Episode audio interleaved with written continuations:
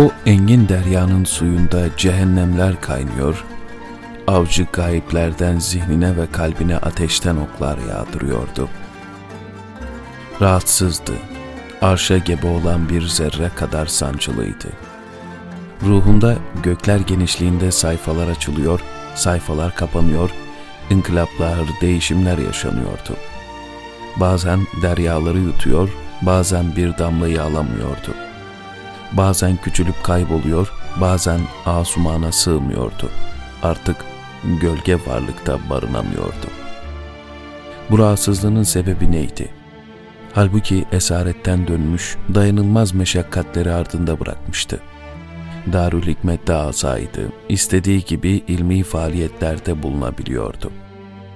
Halifeden, Şeyhülislam'dan, başkumandandan, medrese talebelerine kadar herkes, gittiği her yerde hürmet ve ilgi gösteriyordu. Belki de onu rahatsız eden, bütün bu dünyaya çağıran şeyler, dünyanın bu denli cazip hale getirilmesiydi. Bunlar insanın dünyayla bağını güçlendiriyor, gözündeki perdeyi kalınlaştırıyordu. Sanki dünya daimi, sanki insan ölümsüzdü ve burada ebedi kalacaktı. Yaşadığı büyük inkılabı bazen dostlarıyla paylaşıyor, bazen kaleme alıyordu. Anlatılanlar kelimelerin taşıyabildiğiydi ve o büyük ruhun kendi ufkunda hissettiklerinin umuma kıyaslanmış ifadeleriydi. Muhakkak ki onun anlayışları da, duyuşları da, ızdırapları da anlattıklarından çok öte ve kendi seviyesine göreydi. Yoksa ne onun günahı halkın bildiği türden bir günah, ne de o deryanın yaşadığı çalkantı, bir avuçluk suyu olan insanların yaşadığı mevcelenmeyle aynı mevcelenmeydi. Birinde milyonlarca dalgayı milyonlarca dalga kovalıyor, diğerinde bir damla fırtınalar koparıyordu. Birinde tuz dağları kayboluyor, diğerini bir tutam tuz zehir yapıyordu. Ruh dünyasında yaşadığı mevcelenmelerin tesiriyle zaman zaman Eyüp Sultan'a gidiyor, namazını orada kılıyor, Eyüp kabristanına çıkıp mezarlıkları geziyordu. Ölüler kim bilir neler diyor, ne dersler veriyorlardı. Cılız vücudun sığdığı, içlerin dar bulduğu o mekana bir gün herkes uğruyor, bir gün herkes oradan geçiyordu.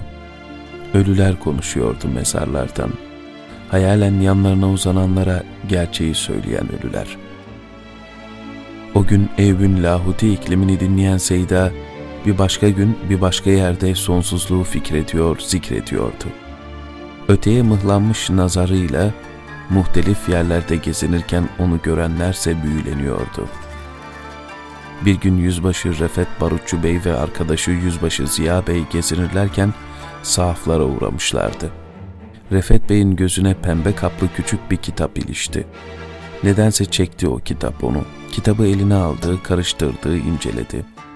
Kitabı Seyda'nın yeğeni Abdurrahman kaleme almıştı. Seyda'nın hayatını anlatan bir kitaptı bu. Ücretini ödedi, kitabı aldı. O akşam Refet Barutçu'nun bütün işi o kitabı okumak oldu. Nedenini bilemediği ölçüde kitap onu kendisine çekiyor, ruhunda o kitaba ve kitapta anlatılan zata karşı garip bir ilgi hissediyordu. Sanki daha okumadan hayatı anlatılan zatı sevmiş, kitabı bitirdiğinde büyük bir şahsiyet ve kurtarıcı bir ruhla karşı karşıya olduğunu düşünmüştü.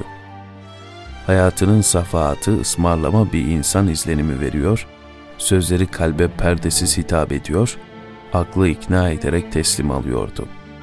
O günden sonra Seyda, Refet Bey'in aklında ve lisanında defalarca kendisine yer buldu.